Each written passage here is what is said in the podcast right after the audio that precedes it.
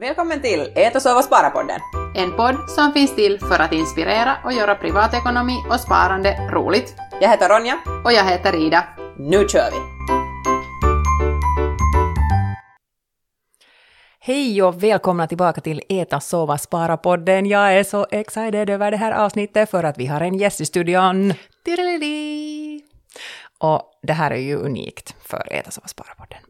Utan att gå in på varför det är unikt så ska vi direkt presentera vår gäst och vi har med oss Johanna Karlsson. Välkommen med till podden. Yes, tack för det. Kiva att du är här. Tycker jag. Och idag ska vi prata om mitt favoritämne, så det avslöjar lite redan vad du sysslar med. Men jag tänker att äh, du får jättegärna berätta lite åt våra lyssnare om vem du är. Ja, jag är alltså då Johanna, kallas till Joe. Och jag är en sån här landepaukku, turned jurist, som jag jobbar med alltså som jurist för tillfället. Och på min fritid så främst renoverar jag bostäder. Att vi har det där i Lovisa och Borgo, lite investeringskämpar med min sambo. Så det var nästan alltid går åt till nu. Jag sa det när du kom in, så sa jag att välkommen till Rempa helvete, pip. Uh, för att vi hade så här fyra paket duschar där i, där i tamburen. Men det är så skönt när människor som kommer in som har så här egen problematik med renovering. Och man behöver inte liksom skämmas. Nej, det hör nog till. uh, vi kan ju avslöja så mycket också att vi är ju faktiskt gymnasiekompisar hela bunten här i studion idag. Och det är ju också lite extra roligt att, att man har så här samma intressen i vuxen ålder. Mm. Ja, det är ju en tid sen. Är det typ nå tio år sen vi har gått där? Uh, jag tror nog att det är mer än tio år. Det är nog men... säkert betydligt mer, tyvärr. Uh, ni skulle hålla, liksom, vara här tillsammans. Jag är inte vi så gamla. Ja, det var just nej, det här som jag försökte liksom här kiva, komma kiva, fram. Och, nej, det är nog säkert 20 år. no, nu börjar det ju vara, vi är nog ganska gamla redan. Ja. Nej, Nåja, no, men nu ska vi prata om rempa och bostäder. Jag försöker hållas med här i era diskussioner. Uh, du, hur var det som fick dig att börja? Jag menar, du är jurist i utbildningen och, och hur liksom har du snubblat in på bostäder? Vad har väckt ditt intresse från första början? No, det har egentligen gått till helt i misstag. Så där att då när vi träffades med, med min sambo då så han var så att säga hemlös. att han hade inte ännu hittat en ny bostad åt sig då, och det där, när vi träffades så var mitt ett villkor att, att absolut inte att han flyttade in till mig liksom direkt, att han måste skaffa någonstans eget. Och så köpte han då en radhuskämpa och så började vi renovera den för den var helt i originalskick. Och därifrån började det att före det hade jag ju kanske inte gjort något annat än, jag hade nu målat lite några bostäder som jag själv har bott på hyra i och sådär men att, att jag hade inte hållit i något, något så här elverktyg och sånt före det.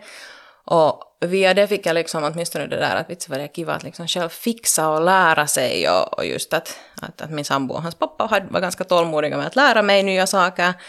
Så det var på något sätt, det var bara sisti. Och sen därifrån liksom kom kanske det där första, liksom det här sparken in på det här, men inte tänkte vi något aktivt på det. Att den hyrdes ut den här bostaden sen efter det. Flyttade ni ihop sen då? Ja, alltså nu bodde vi ju hela tiden. Okay. Inte bodde han ju aldrig där och vi bodde kanske en månad där tillsammans efter att det blev färdigt Alltså jag gillar det, det här. Det symboliskt sådär att han skulle ha ett eget ställe. Alltså jag gillar det att du har så här målet sådär liksom att du flyttar inte in med mig sen bara så du vet utan vi renoverar en bostad åt dig och du flyttar dit och sen bara så här, nej men ska vi sätta den på hyra istället? Ja, men så gick det, ja. Ja, och så var den då uthyrd i några år sen och, och det där sen beslöt vi oss, eller tyckte att nu var vet du, marknaden ganska het att börja sälja, att vi fick, eller han fick ganska bra pris för den. Och, och så var tanken nog ändå att hej, nu skaffar vi något nytt istället då. Det var så roligt det där att rempa. Och på den vägen är vi sen. Att... Hur var det, du bodde, bodde du då på hyra eller ägde du då när, när jag ni liksom... Bod, jag bodde egentligen, mamma ägde en bostad här i Borgo. Så det där, när jag gick i gymnasiet så bodde jag redan där och, och sen kom jag alltid tillbaka dit, för jag hade studerat och varit utomlands, så alltid kom jag tillbaka till den där bostaden sen. Så, ja. så med andra ord var det så där att ditt intresse för bostadsinvesteringar liksom väcktes före du hade köpt egen? Jo, absolut. Ja, jo, jo, jag hade ju inte någon liksom, på ja. sättet finansiellt liksom sådär tidigare. Ja, ja alltså helt huippu. Vet du, just när folk är sådär, vet du, att jag kan inte köpa en investeringsbostad, jag kan inte ens börja fundera på det för att jag bor ännu på hyra eller jag bor hemma, så, så här, visst kan du, se, Johanna gjorde det. Vem som helst ska göra det. Ja, mm. exakt. Vem som helst ska göra det. Okej, nu hur började det sen då med, hur, hur kom er första bostad in i bilden som ni då köpte tillsammans? No, jag tror att jag var ganska sådär på att nu måste vi hitta något och snabbt och sådär. Och så kom det emot en sån där, det där helt asig bostad på Gymnasiegatan här i, i Borgo. Och det där, så gav vi bara ett lågt bud och, och så fick vi det. Jag tror inte att så många andra var så intresserade. Där var röklukt och där var liksom allt helt mycket egna funderingar som tidigare ägaren hade byggt och så här. Så. Alltså en liten Ja. bomb. En liten bomb, ja. Ja. En ganska stor bomb egentligen. Okej. Och det där, och då var ju var målet då liksom direkt att den här ska vi köpa och den här ska vi renovera och så ska vi hyra ut den. Att då liksom hade ni den här tydliga planen så att säga. Och då var det redan sådär att jag såg framför mig när vi var inne att vitsi, det här blir en fin camper, att man liksom satsar nog att laga den lite lyxigare och sådär. Att, att det var ett gammalt, eller ett gammalt trähus från 40-talet, att det var lite speciellt det där själva huset och sådär, att det på något sätt tilltalar mig sådär, att man kan göra det till så mycket. Liksom. Vad var det som fick dig att, att vilja köpa i Borgå då första? Nå, säkert just för att Borgo, vi båda känner till Borgo bra och sen tänker jag nu fortfarande att Borgo är sådär safe, att värdet på bostäderna kommer inte att sjunka radikalt åtminstone, att de stiger lite hela tiden, att det på det sättet är ett tryggt ställe att börja. Och jag tror det där är kanske en jättebra tumregel, just det här att, att någonting som man känner till, är, äh, någon stad som man känner till är liksom bra från första start. Ja. Att annars så kan det liksom gå snabbt fel om man, om man inte är liksom riktigt insatt i det området. Okej, då köpte ni den första och ni började renovera den tillsammans och gick av allt frid och fröjd och Ja, nej. som i alla remonter tror jag som vi har haft så kommer det alltid några överraskningar och, och just så här att man stöter på lite utmaningar med just kanske disponenter och andra styrelser i husbolag och så här att, att man har åtminstone lärt sig att, att alla är inte så insatta kanske just i hur juridik och sånt här. Att Man måste kunna stå på sig, man måste liksom veta vad man har för rättigheter och vem som har ansvar för vilka saker. Att det är kanske inte så där bara att godta ett, ett nej, att man måste nog lite kräva ibland då. Ja, det som jag tycker själv att är så fint när du, du delar ju din resa också på Instagram. Och det, där, och, det som jag tycker att det är så bra är att du också tar faktiskt upp de här utmaningarna som ni stöter. För många berättar inte om de här utmaningarna, utan man berättar bara det här att hej, nu har vi köpt nästa objekt och nu är den rempan färdig och nu är den ute och nu har vi fått en hyresgäst. Ja, eller sen om man då säljer de där så vi gjorde så här och så här mycket vinst. Men bara, man berättar inte att hur mycket det har gått eller vad de där problemen eller de där motgångarna har varit. Va, vad skulle du säga själv sådär att är din största lärdom då exempelvis med disponenter? Sådär att är det något speciellt som du är sådär att det här, den här, det här kollar du direkt eller har du något sån här vissa grejer som, som du är sådär att hej de här fem sakerna har jag lärt mig? No, inte vet jag egentligen. Det är nog så, så fast i personen och just att hur bra man kan kommunicera. Att, att för vissa disponenter är sådana att de, man kan inte ens ringa åt dem. De svarar inte i telefonen. Man får inte tag på dem. Och det gör ju saker lite svårt att reda ut liksom. Och, få, och man vill ju ganska, sådär, just när vi oftast köper, eller har köpt bara bomber, så man vill ju vara ganska klar på liksom reglerna, att vad har husbolaget för krav och vad får vi göra och vad, liksom, vad, vad kommer från husbolagets sida, deltar de till någon del och så här. Att, men det är nu varje gång en liten så här, men man lär ju sig att, att förvänta sig att det ska vara ganska krångligt, så kan man ju bara bli positivt överraskad. Ja, och kanske förvänta sig att, att saker kan hända. Vet du? Att, att jag tänker att man, man ser så att varje objekt är unikt och varje liksom, remont är unik. Och, Och det är inte världens undergång att om det händer något eller något går fel eller man inte vet hur något ska göras. nej, precis. Okej, och så hade ni den här Borgålägenheten och, och ni fick den, antar jag, uthyrd sen. Ja, och vad hände sen då? Direkt. Eh, sen så började vi söka i Lovisa bostäder, just för att prisnivån är ganska stor, eller det är stor skillnad till Borgo. Och vi tänkte att vi kommer snabbare igång och sådär att få flera bostäder och så. Vad betalar man för en etta ungefär i Lovisa för någon som inte nu är insatt i bostadspriser i Lovisa? Nå, om den är helt där i centrum så från, om den är en bomb så kanske 40 000 och uppåt från det. Okej. Ja. Men att vi köpt, det som vi köpte följande var en tvårummare för 50 000. Okej. Att Och det var också då en bomb. det var en bomb att där hade jag, förra ägaren hade bott där säkert i 40 år utan då att ha gjort egentligen något. Okej.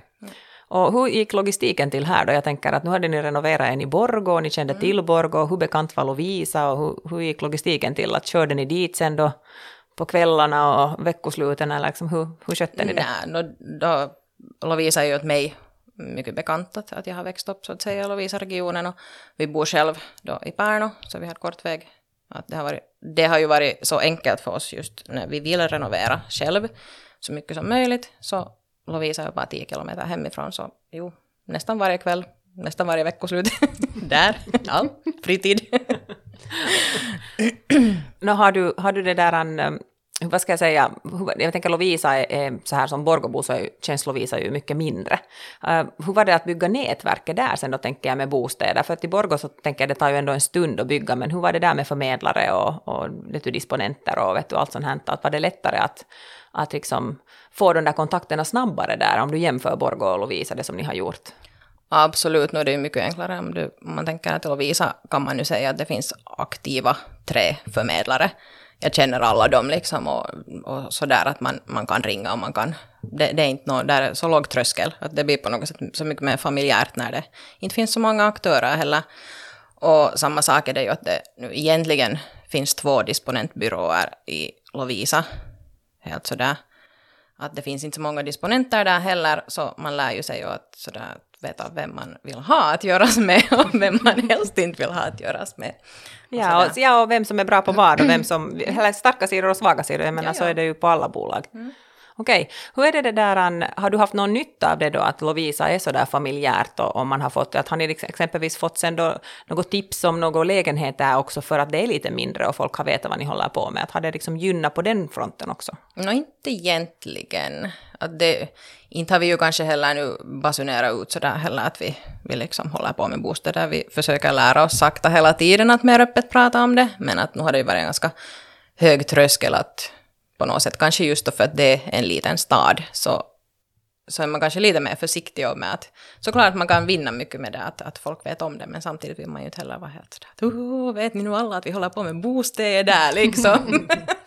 Alltså, jag, jag, tror, Ja. och jag tror att det är en sån där, det är just som du säger en tröskel att gå över. Um, att man liksom kommer ut med det. Själv så tycker jag ju att, att det har blivit mycket lättare efter att jag har kommit ut med det. Att sen kommer det just de här och liksom, offers från också andra investerare som vill förminska sin eller ändra sin portfölj eller eh, gå åt andra håll. Liksom. Så, så kanske jag kan tänka mig att på mindre orter kan det ha ännu större nytta att, att folk liksom lite vet. Och ni har ju ändå ganska öppet ändå pratat om det. Ni Jo, har ju ändå. Instagram och så här. Så helt en sån här boxhemlighet är det ju ändå.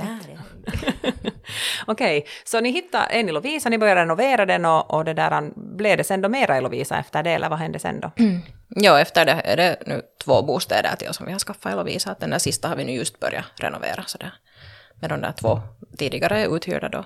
Sådär. Ja, så det var, liksom en, det var en bra flytt till Lovisa så att säga. Ja, Det, åtminstone fick vi självförtroende till att hej, det här funkar liksom. Att, att vi kan tänka oss att man ännu fortsätter med det. Och hur är det nu då när marknaden är så att säga ganska het? Äh, Det går ganska bra åt med bostäder för tillfället, så ni har ändå inte funderat på det att ni skulle sälja någon av de där lägenheterna, utan ni vill hålla kvar dem som hyres? Absolut, ja. Det, det är så bra cashflow från dem att, att Ja. det är nog det vi liksom vill ha av det. Och inte, vi tänker nog faktiskt liksom 15-20 år framåt bara med bostäderna och inte, inte på det sättet att vi ska göra någon snabb vinst nu. Ja. Okej, Aj, ni vill inte sälja några bostäder. Ni vill bara hålla dem som hyresbostäder eller att ni hyr ut dem. Uh, du pratade lite om 15-20 år, men har ni några andra planer så där nu här, liksom fem år, tio år? Hur ser era strategier ut? Mm. Ja, nu har vi ju ja, planer. Vi har kanske inte så konkreta, vi är, vi är lite mer så här go with the flow att, att, att vi ser liksom va- va- vart det för med, för med oss. Men att nu tänker vi ju att vi har kanske som mål att försöka få inom, vi har tänkt att 2030 skulle vara året då som vi har åtminstone 20 bostäder. Kova tavoite. Äh, hårt mål, ursäkta, nu sa jag det på finska. Ja, och att då skulle vi liksom kunna börja ta ett, eller att vi skulle ta ett sabbatsår åtminstone, båda fundera att hej, vad vill vi göra i livet? Att vad är liksom följande steg? Att vad, vad liksom... Men att aktivt vill vi hålla på med de här bostäderna och skaffa flera. Wow. Har, ni, har ni varit sådär, har ni aggressiva uh, låneavbetalningar eller hur långa lån har ni ungefär i medeltal? Ja, vi har alltså bara ett lån för alla våra placeringsbostäder och vi förlänger varje gång vi tar ett, ett liksom nytt lån så förlänger vi det till 25 år. Okej. Så att det är så Ni att vi får så det mycket liksom så. pengar loss liksom ändå sådär för att investera i nya bostäder. Ja, det är ju helt, eh, liksom, helt sådär jätteroligt när folk öppnar upp sina egna, att hur de just har gjort det. Och inte det har ju gått nu, nu, vi har ju ändå, det är liksom fyra bostäder vi har nu i det lånet, att inte kanske det oändligt fortsätter så att vi kommer att, och just att sen om man vill. En del av lånen kanske då, då har ränteskydd på, en del inte så kanske vi då sen i fortsättningen delar upp dem, men så har det funkat bra hittills. Eftersom du sa 25 års lån så antar jag nu att ni har köpt dem som privatpersoner? Ja. ja.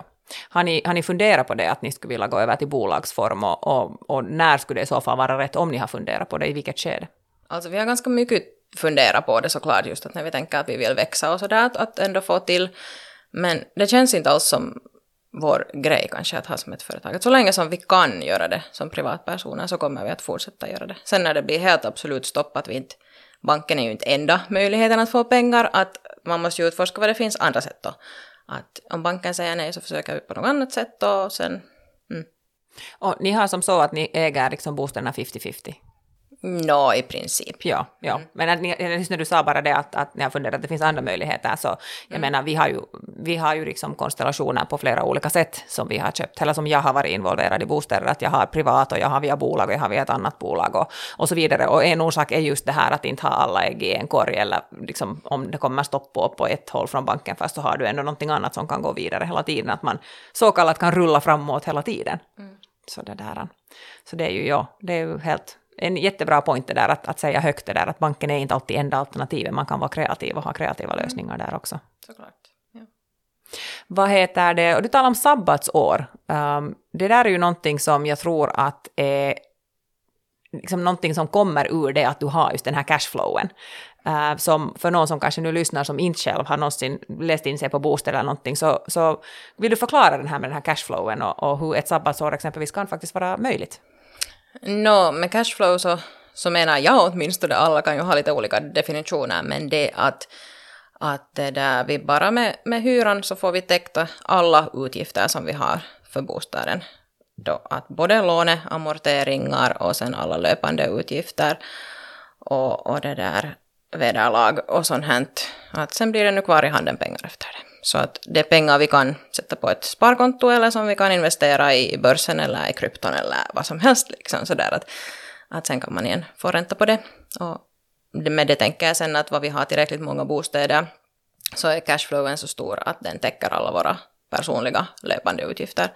Och då har vi möjlighet att liksom på riktigt omvärdera att vad vill, vad vill vi göra? Att nu kanske no, jobbvärlden, för oss är åtminstone det att det är mer en sån här möjliggör att vi kan göra andra saker vid sidan om. Det är inte kanske en kallelse, så att säga.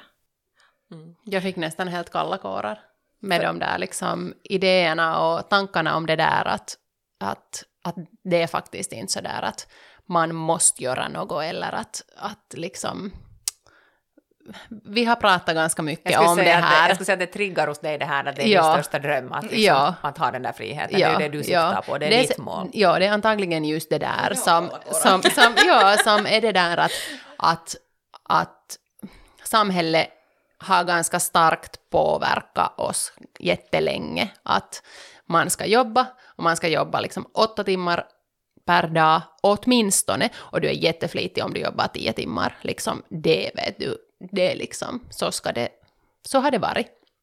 Uh, och sen om du då har möjligheten eller att du börjar liksom jobba för dina drömmar och du kanske tänker att nå, om jag jobbar sex timmar aktivt så kan jag sätta den där två timmar kanske på något annat som ger mycket mera åt mig än vad det där arbetet ger.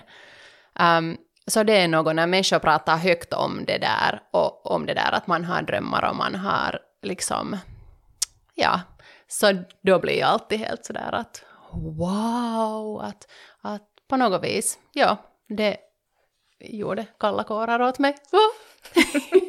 Men just det där att man kommer bort från liksom sådana ramar som kommer utifrån, att man ja. själv kan liksom ställa sina, att hej, om jag vet att jag är effektiv på ett visst sätt eller en viss tid och sådär, så då kan jag utnyttja den tiden liksom och få mycket fritid sen på annat sätt. Mm. Att om arbetsgivaren säger att du ska vara, de här timmarna ska du vara på jobb, så det betyder ju inte att jag är effektiv och, och en superbra arbetstagare under de där timmarna jag är där. Mm. Nej, men det, och det är just det där det handlar om, att, att sen också när du gör någonting som du har lite en passion för också och har ett liksom lite extra intresse, så är du ju eller jag känner åtminstone att jag är mycket mer effektiv då när jag också gör saker. Därför tycker jag att det är jättehälsosamt det där att man har kanske också som mål ibland att okej, okay, att nu gör vi det här i vet du, fem år, sen pausar vi och funderar. Och sen liksom ser vi vart vi vill gå sen. För att saker och ting ändrar också på vägen och det be betyder liksom att, att om inte vi lyssnar på oss själva och funderar vad vi vill så kan det hända att vi också styr den där båten åt helt fel håll i något skede. För att vi liksom har tappat kanske den där, den där riktningen. Mm. Och sen är det ju helt ok att byta riktning. Jag menar... Helt ok. Mm. Ja, alltså menar, vill ni, börjar ni köpa egna hemshusen så det är också helt okej. Liksom, man kan göra mm, vad som helst, mm, liksom, att det är ju helt fritt fram. Hur är det, det där, är det som så nu då att um, ni, är ni öppna för att också investera på andra orter eller är ni så där nu att Lovisa och Borgo är de som ni håller er till eller har ni funderat också på att gå liksom, till andra städer i Finland? No, så länge som vi nu har passionen för det här att vi själv vill göra, jag vill se resultatet av att jag, jag tapetserar eller att jag målar eller att jag fixar liksom något, så håller vi oss till, till det där Borgå och visa. Att det finns inte nu åtminstone ett behov av att, att utvidga det. Mm. Men det, och det är jättebra att man, liksom, det är så tydligt det där svaret. Ja, nej, vi vill göra själv och det blir för lång väg att börja köra någonstans längre bort till Nollahti eller någonting. Att vi, vi är här och vi är nöjda med det och liksom, vad är bättre än det? Mm. Och sen tycker jag om den där kanske filisen att att just att vad vi fortsätter lite mera så kanske man så att säga blir känd för det, att man gör liksom något speciellt, att man gör att våra rempor är ju inte heller vi gör inte liksom sådär att, att måla vita gråa du, väggar och, och billigt laminat på golv, utan vi gör personliga bostäder. Att, mm. att jag vill liksom att, att, att folk vet om att det finns en möjlighet att du kan liksom ha en hyresbostad som inte är helt plain. Mm, alltså det är inte det där bulk mm. som, som, det där, som jättemånga är. Och det, det är någonting jag också tycker att det är ljuvligt när folk vågar göra lite annorlunda. No, vad, för att jag menar, våra lägenheter som vi har byggt, så de har ju varit just vita, svarta och... No, inte... Vad jag just sa. Nej, nej, nej, utan alltså, Ida, Ronja säger ju alltid att... Ida umgås med mig, hon är ja. van. Ronja säger alltid att kom jag till sjukhuset eller hem till er. No, nu, nu för tiden i vårt det här hemmet, var vi nu bor, så där har vi ju ändå svart kök. Så det är ju helt kiva, eller vad Ronja? Alltså ni har ju ändå liksom varit lite modiga där, ja, ni har liksom ja, tagit ja, in en ny mm. färg. Nåja, men alltså, ja, svart. Mm. Men, um, borde jag månne måla något om där? Jag blir ju nästan lite sådär, vet du, taggad för det här. Men det som jag, Johanna, skulle fråga av dig, att vad är det crazygaste som du har gjort med någon bostad? Crazygaste? Hmm. Vet du, då inte vit, svart, grå. Och vad var den där ena färgen? Grejg. Finns det inte ens? Greige. Greige, ja. Det är säkert också något som ni, vet ni, inte sätter i era lägenheter. Det är ju ändå bättre än vitt och svart och grått. så att jag, jag lyfter nog hatten mer åt Greige då. Ja, men alltså om jag får säga vad jag tycker att var stilistiskt så var det här ena vässagolvet som ni gjorde. Ja. Det tycker jag var jättesnyggt. Ja, som var så här mönstrat. Ja. ja. Men kanske det, det liksom crazygaste är nog säkert att vi gjorde det här att vi satte en plåtvägg i senaste bostaden. Ja. Det är ju kanske inte sådär helt konventionellt. Mm. Nej men plåt är nog, det är ett, jätte, det är ett jättefint material. Nog, alltså, för det finns ju så mycket fina. Ja, och du får liksom levande struktur ganska enkelt på en vägg. Du behöver inte liksom bygga sådär hemskt mycket för det. Ja. Nej, och det där, det där är ju det fantastiska med Instagram, vet du, att man får se vad andra har gjort. Mm. Uh, och du kan få idéer som, vet du, är sådär att hej, det här, det här vill jag testa på, det här vill jag göra. Man får den där inspirationen. Hej, du måste ju berätta nu vilket Instagramkonto det är man kan följa dig på. Ah, Rempa Diaries. Rempa Diaries. Uh, vilka språk instagrammar du på? No, finska egentligen mest nog. Ja. Men man kan ju nog inboxa dig fast på svenska. Eller kommentera på svenska också. Ja, Ja, alltså en sak som jag, som jag ännu vill ställa dig, eller en fråga som jag ännu vill ställa är det att om vi har någon lyssnare här ute nu som sitter och funderar att, att eh, hon eller han nog skulle vilja köpa sin första bostad, sin investeringsbostad, men kanske inte vågar eller känner att den inte kan tillräckligt, så har du något så här tips på vägen? Eller någon så här, vad fick dig att våga att ta det där första steget? Eller, eller vad ska man göra, vem ska man höra sig av till? Eller, eller vad ska man ta reda på, vad ska man läsa, vad ska man lyssna på, vet du? Har du något? Mm, no, säkert är just Instagram är ganska het potatis, att, att där hittar man inspiration, man hittar idéer och där finns folk som gärna svarar. Man, det behöver inte vara komplicerat, man kan ju fråga bara att hej, hur börjar du? Liksom. Och det är bara att börja. Inte, så hemskt mycket kan det inte gå fel om du lite gör research, du känner området och du liksom vet vad, vad marknadspriserna är och så här. Att köp under marknadspris, så you can't go wrong. Ja, för du kan alltid sälja för marknadspris då. Exakt. Det låter så enkelt. Ja, men det kräver det där att du följer med lite. Du måste ju en tid liksom sätta dig in i såklart. Skriv upp lite, vad kommer det till salu och sådär. Om du känner någon förmedlare så fråga lite vinky att vad har det gått för, för priser. Hur många, på tal om det här, så hur många analyserar ni bolag eller lägenheter analyserar ni förrän ni kände liksom att nu börjar ni bli varma i byxorna och nu börjar ni känna att ni kan ganska bra säga vad ni skulle vara villiga att betala för någonting? Jag vet, jag, första bostaden var ju nog sådär att det var säkert första vi såg på liksom sådär att det var kanske inte sådär hemskt mycket jämförelseobjekt. Men kanske vad, man, vad då börjar gå igenom pappren för en tio bostäder så börjar man ganska bra se att så man måste ha lite tålamod. Man kan inte ju heller förvänta sig kanske liksom att det är sådär bara vips vaps, utan kanske sätta den där tiden på att titta på de där tio och jämföra dem. absolut. Ro liksom med det också. Nå, om man vill ta kontakt med dig nu, så vad är bästa, bästa sättet att ta kontakt med dig? Om man vill helt enkelt ställa dig lite frågor eller bjuda dig på en kopp kaffe eller kanske har en bostad man vill erbjuda eller någonting, så hur, hur får man tag på dig? Nå, det är nog nästan Instagram som är säkert bästa sättet. Ja. Skicka bara meddelande. Inboxa. Ja. Hej, tusen tack för att du deltog i vår podd och kom och berätta om din resa som bostadsinvesterare. Jag tycker själv att det är så fantastiskt när man slipper att lyfta, lyfta olika historier, för att det här är någonting som är en het potatis i samhället och det är många som vill komma in på det här, men alla kanske inte ännu har hittat rätt sätt eller hittat, sitt, sitt, hittat modet kanske att ta, ta igång och det, det är alltid värdefullt när någon vill dela sin resa. Yes. Tack massor att du kom. Tack själv. Hej, hoppas ni lyssnar igen på nästa avsnitt. Vi lovar att det kommer flera ljuvliga intervjuer med andra aktiva personer inom olika områden. Ha det bra!